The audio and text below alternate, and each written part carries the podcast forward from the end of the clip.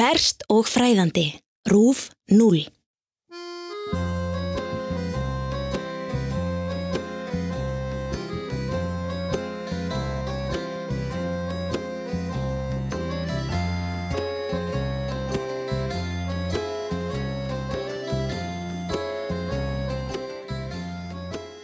Klukkan var um stundarfjörðum gengin í nýju að kvöldi 19. februar árið 1994 þegar sjúkraflutningamenn íttu ungri konu á börum inn á bráðamótöku General sjúkrahúsins í borginni Riverside í sunnanverðir Kaliforníu. Konan var með meðvitund en virtist vera með óráði. Hún svaraði spurningum lækna á bráðamótökunni með stuttum samhengislausum setningum. Hún var andstutt, hjartslátturinn var hraður og blóðþrýstingurinn á hraðri niðurleið. Þetta voru enkenni sem læknar á bráðamótökunni voru vanir að eiga við. Það sem kom helst á óvart, saði læknir sem var þarna þetta kvöld síðar, var hversu ung konan var. Yfirleitt var það eldra fólk sem kom á bráðamótökuna með enkenni af þessu tægi, hjartsláttar, tröflanir og öndunar örðuleika. En þessi kona var aðeins 31 árs gömul Hún hétt Gloria Ramírez og hún var reyndar langt leitt af leghálskrabbamenni. En það var ekki það eina sem átt eftir að vekja undrun starfsmanna á bráðamótökunni þetta kvöld.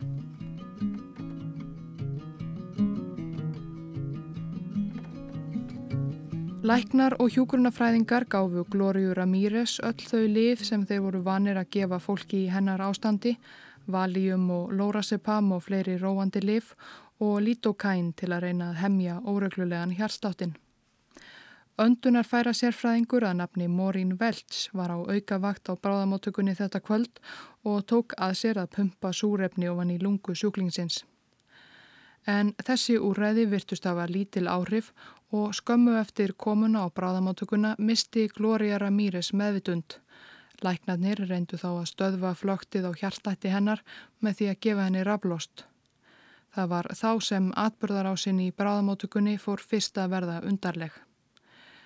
Fljótlega tóku einhverjir eftir óvennilegum gljáa á húð sjúklingsins eins og hún væri þakin einhvers konar ólíusleikju og það var einhver undarleg lykt úr mununum á henni eins og hún hefði verið að enda við að borða mikið, mjög mikið af kvítlaug.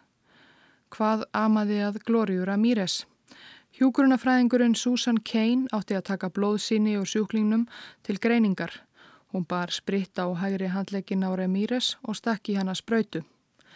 Þegar spröytan fór að fyllast af blóði tók hjúgrunafræðingurinn eftir annari torkennilegri lykt. Hún tók spröytuna upp og þefaði, blóðið lyktaði eins og ammoniak. Hún rétti spröytuna að Morín Velts, öndunar færa sérfræðingnum. Velts þefaði líka og bjóst við því að finna kannski lykt sem oft fylgir krabbamennsmeðferð, íldu fíluna sem stundum er af blóði fólks í livjameðferði krabbamenni og hún kannadist vel við. En hún var sammála hjúgrunafræðingnum. Þetta var ammoniaklykt. Læknanemin Julie Gorczynski vakti síðan aðtegli á því að það virtust vera einhverjar sérkennilegar brúnar agnir í blóði sjúklingsins. Velt setlaði að spyrja hjúgrunafræðingin Kein út í þessa undarlegu hluti, agnirnar og lyktina.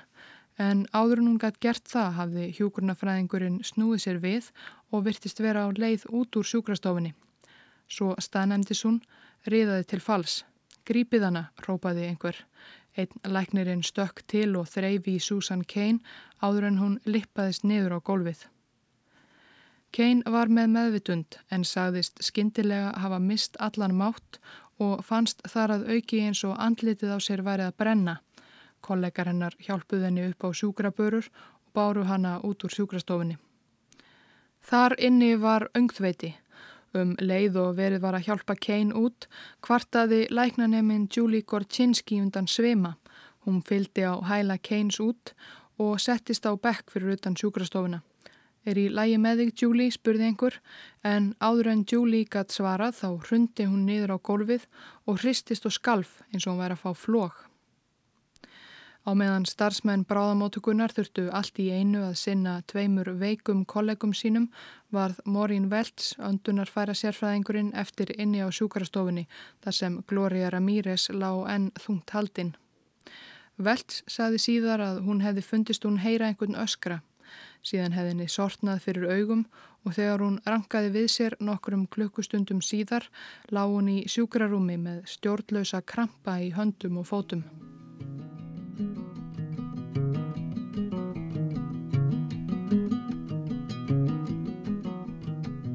Þetta var án Eva eitt versta og furðulegasta kvöld í sögu bráðamótökunar á General sjúkrahúsinu í Riverside.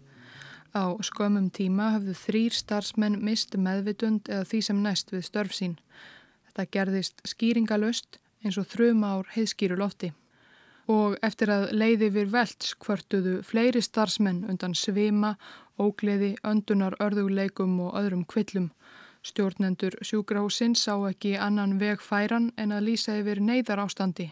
Allir sjúklingar á bráðamótökunni voru færðir út á bílastæði þar sem starfsfólk reyndi að koma upp einhvers konar bráðabyrða sjúkrahúsi. Þeir einu sem urðu eftir inni í byggingunni voru fjórir læknar sem syndu Glóriu Ramírez, krabbamenn sjúklingnum sem hafi komið fárveik á bráðamótökuna en ungis örfa um stundarfjörðungum áður en blóðþrýstingur Ramírez helt áfram að hrinja og púlsinn varð ógreinilegri og ógreinilegri. Læknarnir reyndu allt sem þeir gátu en það var til einskis, Ramírez rakaði hratt. Þegar klukkuna vantaði tíu myndur í nýju, kvöldið 19. februar 1994, var Gloria Ramírez úrskurðuð látin. Hún hafi verið á sjúkurhásinu í 35 mínútur. Hún var 31 árs gömul.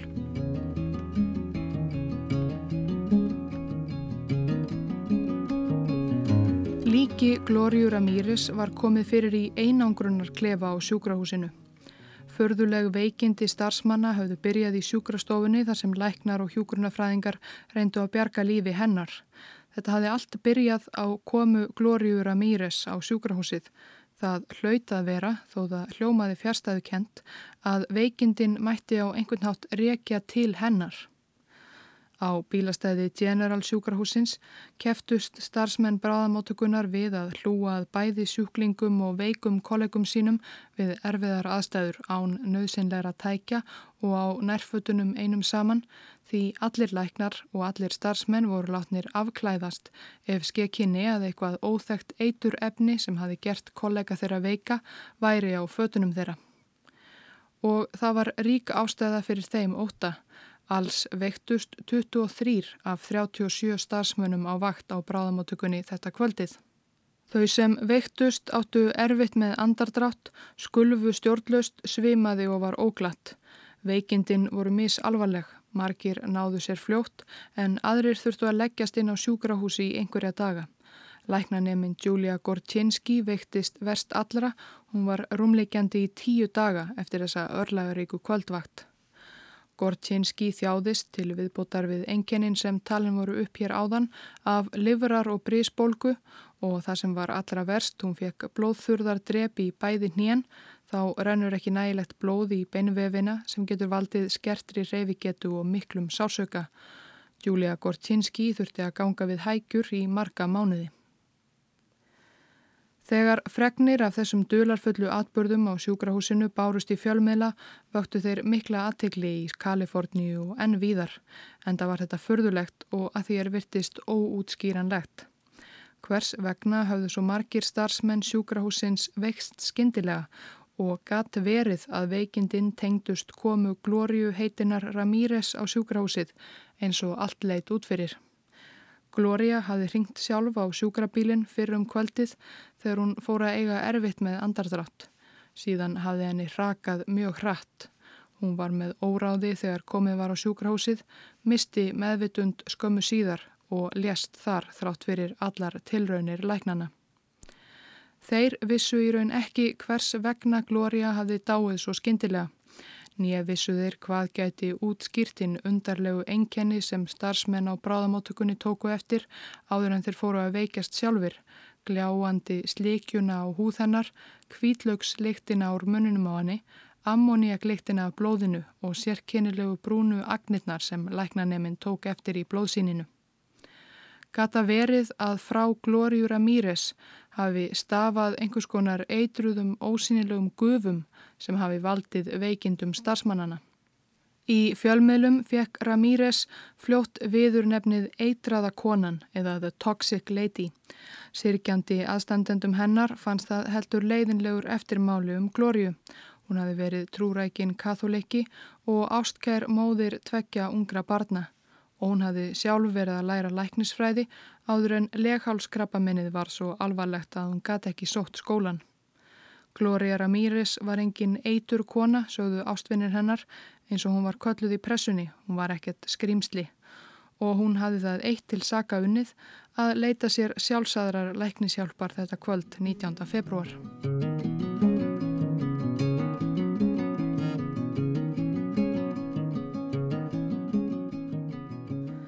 Eiturefnasveit lauruklunar í Riverside var mætt á General sjúkrahúsið um 11 leiti þetta kvöld í vígalögum eiturefnabúningum með grímur.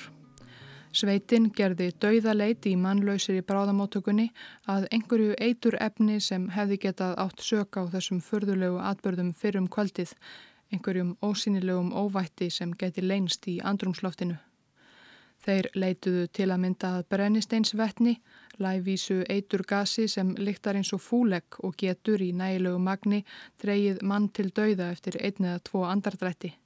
Þeir leituðu líka að fóskjeni öðru baneitruðu gasi sem hefur verið notað í efnahernaði.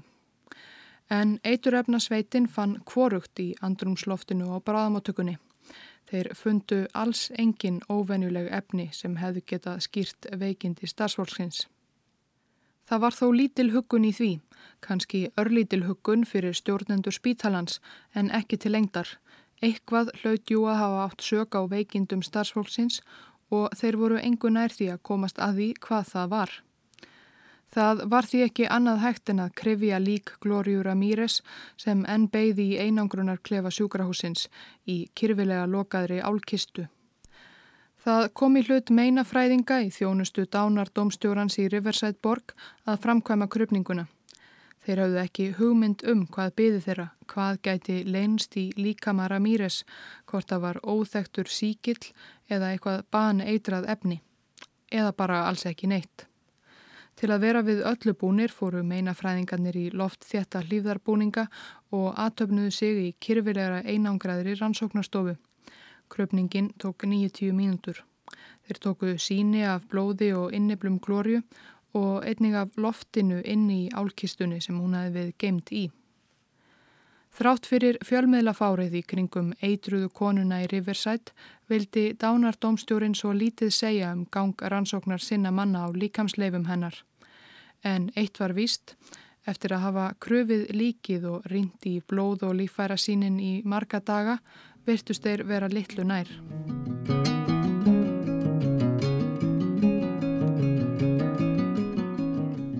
Ráðalaus ákvaðu yfirvöldi í Riverside að leita sér aðstóðar. Í bænum Livermore, um 100 km austur af San Francisco, er stopnun sem nefnist Lawrence Livermore National Laboratory eða Lawrence Livermore þjóðarrannsóknarstofan. Orkumála ráðuneti bandaríkjana rekur rannsóknarstofuna og hún var stopnuð árið 1952 til að vinna að háleinilögum rannsóknum með kjarnorku, geriðingarvopn og geislavirk efni. Þegar kaldastriðinu laug varð minna að gera í þeim bransa og vísindamennir í Livermore tóku að sér ímis önnur aukaverkefni. Þangað leituðu því yfirvaldi Riverside eftir aðstóði í máli eitur konunar Glóriur Ramírez. Kjarn efnafræðingarnir í Livermore fengu send sínin úr kröpningu hennar, blóð, gall og síni úr inneflum hennar, hjarta, lungum, livrinni, nýrum og heila. Allt þetta greindu þeir niður í minnstu agnir með háþróðum tækjabúnaði sem var líklega ekki að finna á skrifstofu dánardómstjórans í Riverside. Livermore vísindamennir gáttu þannig fundið út nákvæmlega hvaða efni höfðu verið á flakki um líkama Glóriúra Mýris þegar hún lest. Þeir sáu aðalega lifin sem hún hafi tekið í krabbamennsmeðferðinni og lifin sem hún hafi fengið á sjúkrahúsinu á síðustu mínútum æfisinnar, lítokain, tælenól, kótín og ímislegt fleira. En þeir fundu þó nokkuð undarlegt. Til að mynda kom þeim á óvart að finna í líkama hennar örlítið magnaf amín, það er efni skilt ammoniaki og gæti því útskýrt ammoniaklíktina sem stafaði af blóði Ramírez. Þeir gáttu ekki útskýrt hvað það var að gera í líkama hennar en þetta örlittla magn gæti með engumóti átt sök á veikindunum sem greipu starfsmenn bráðamótukunar. Svo sem ekki frekar en annar óvæntur gestur sem vísindamennir rákust á, nikotínamíð. Óvenju mikið magn þess fannst í líkama Ramírez. Nikotínamíð er eitt af B-vitaminunum og fyrirbyggir húðkröm en það er líka notað í framlegslu eiturlifja eins og metamfetamins. Nikotínamíð er óndýrt og neysla þess færir manni örleitla ánægutilfinningu og því nota eiturlifja salarða gerðnan til að drýja amfetaminið. En langþreytir ættingar Glóriur Ramírez þvertóku fyrir það að hún hefði neitt eiturlifja. Þriðja efnið sem Livermore vísindamennir sáu í greiningum sínum og vöktu undrun var svo kallað dímethylsulfón. Dímethylsulfón er samend mynduð úr einu brennisteinsatómi, tveimur kolvetnisatómum, sex vettnis og tveimur súrefnisatómum. Það er framleitt og selt sem leysiefni. Livurinn brítur venjulega niður dímethylsulfón á um þremur dögum svo það er óvenjulegt að rekast á finnanlegt magn þessi í mannslíkamannum en í blóði og vefjum Glóriur Ramírez var töluvert magn, miklu meira en fannst til dæmis af kótíni, lifi sem hún hafi þó tekið í miklu mæli við veikindum sínum. En þó þetta vekti allt saman undrun vísindamannana voru þeir ekkert næri því að skýra hvers vegna Glória Ramírez lést svo skindilega og hvers vegna starfsfólkið á generalsjúkrahásinu í Riverside veiktist Þó svo að nóg væri af dularfullum efnum í sínunum úr líkama Ramírez þá gáttu efni á borð við amín nikotinamíð eða dímethýl sulfón ekki útskýrt enkenni starfsfólksins á sjúkrásinu. Það var því engin niðurstaða í loka skýrslu sem vísindamenn Livermore rannsóknarstofunar aðfendu dánardómstjórunum í Riverside að lokinni margra vikna rannsókn. Nokkur undarleg efni hér og þar en ekkert eitur og enn engin skýr dánarórsök.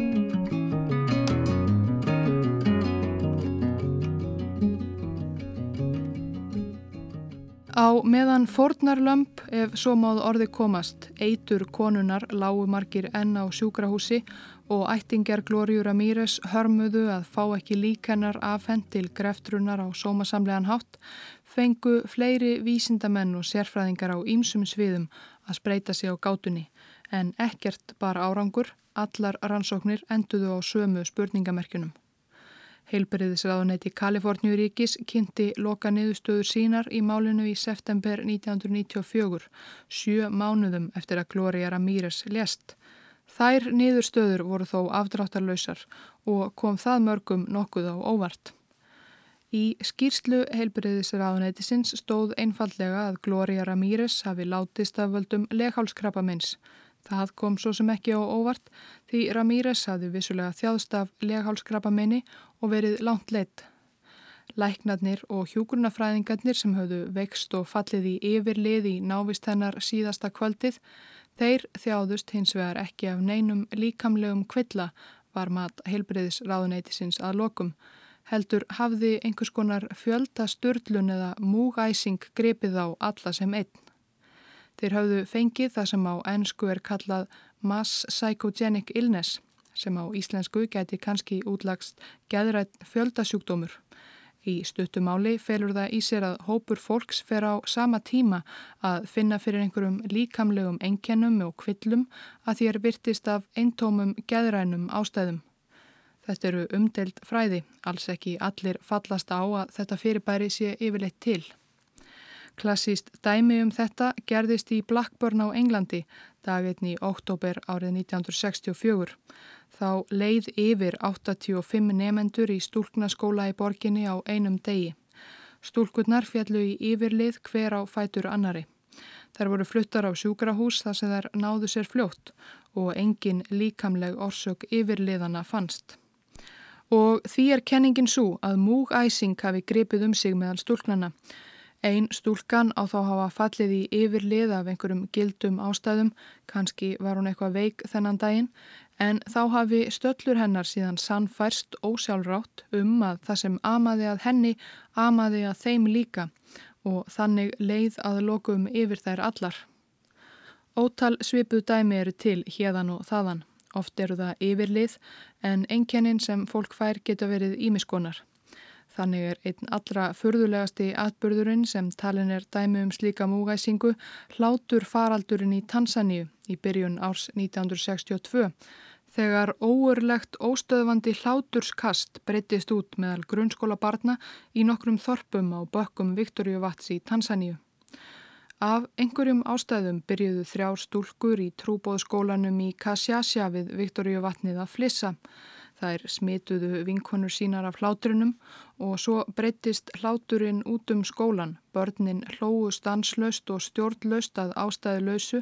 Það var engin sérstakur brandari að ganga. Hláturskostunum fylgdu önnur enkenni, börnin áttu erfitt með andadrátt og það leið yfir þau. Þau heldu áfram vikum saman þar til varða loka skólanum þá breytist hlátur faraldurinn út í nærlegjandi þorp. Alls er talið að meira en þúsund börn hafi síkst af hláturinnum ef svo máð orði komast og loka varð 14 skólum á svæðinu. Kanski hafðu starfsmenn bráðamótugunar í Riverside fundið einhverja torkennilega lykt og þannig óselrátt talið sér trúum að það væru eitur efni í loftinu. Kanski hafði hjúkurnafræðingurinn Susan Kane bara lippast nýður vegna ofsaþreitu og aðrir svo fyllt á eftir eins og stúlkunnar í Blackburn. Skýslurittarar heilbriðsraðunetisins bentu á kenningu sinni til stuðnings að engin eiturefni hefðu fundist þrátt fyrir ítalega leitt. Þeir sem veiktust höfðu margir þegar verið lengi á vakt og borða lítiði við daginn og því kannski móttækilegri fyrir hverskonar geðsæringu.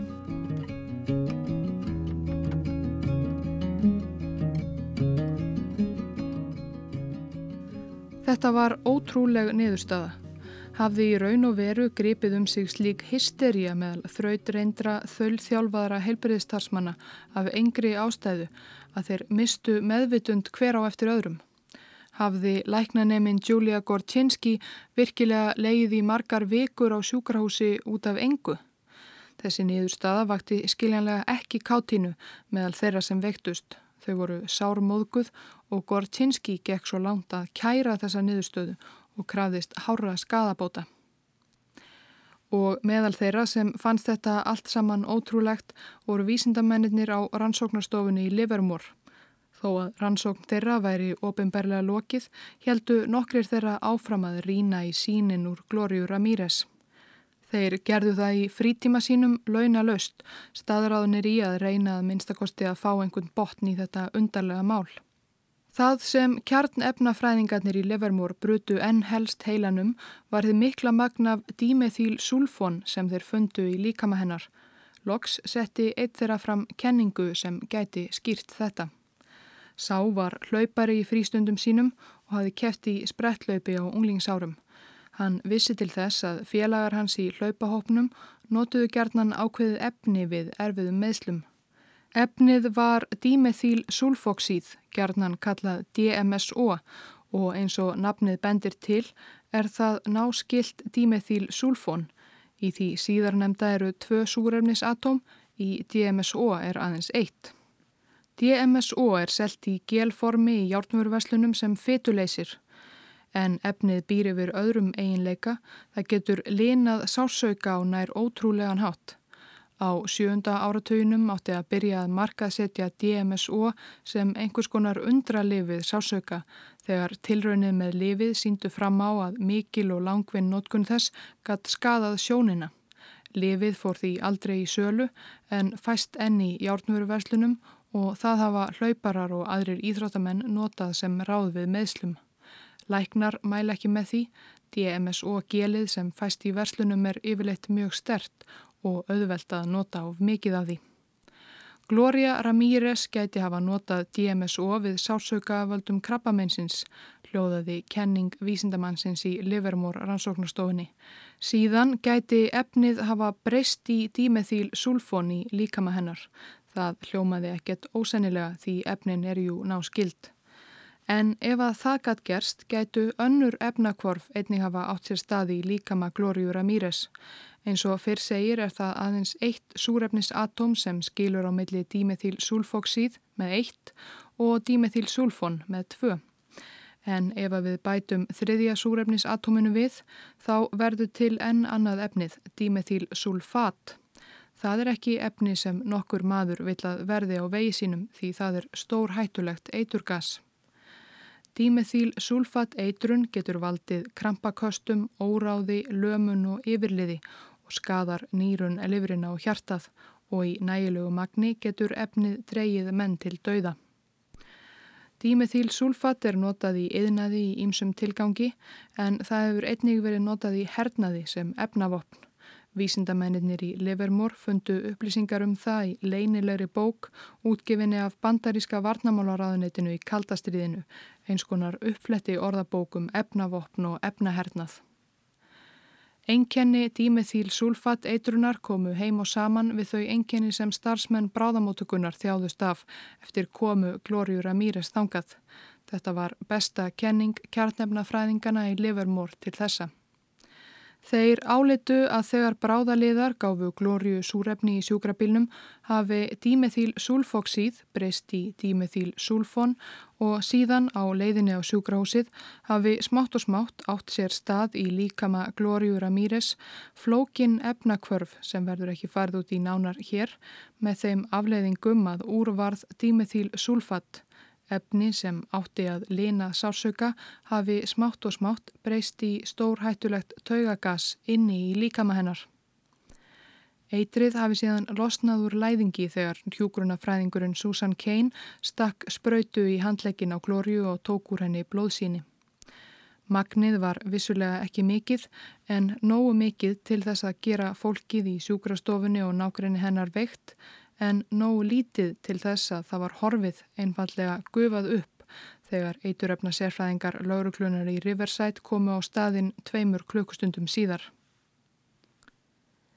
Einn galli var við þessa kenningu. Engin dæmi voru til um að neitti í þessa áttina hafi gerst nokkur staðar áður. Þegar efnafræðingarnir í Livermore kynntu kenningar sínar hlutu þeir heilmikla gaggríni sömur að kollega sína að tiltölulega minnlaust efni hefði með þessum hætti orðið að hættulegu eiturgasi inni í mannslíkamanum. Það var ekki bara ólíklegt, sögðu gaggreinendunir, heldur fáránlegt. En engin betri skýring hefur komið fram, ekki enn að minnstakosti. Yfirvöldi í Riverside fjallust að lokum á kenningu efnafræðingana þó umdelda væri og er hún því nú það sem næst kemst ofinberi viðurkendri skýringu á dularfullu atbyrðunum í General sjúkrahúsinu frekar en múgæsing. Efnafræðingarnir sjálfur undirstrykuðu að þetta væri bara kenning. Þeim hefur ekki tekist að sanna að þetta hafi átt sér stað en ef það var ekki þetta sem gerðist kvöldið 19. februar 1994 á General sjúkarhósinu í Riverside. Hvað var það þá?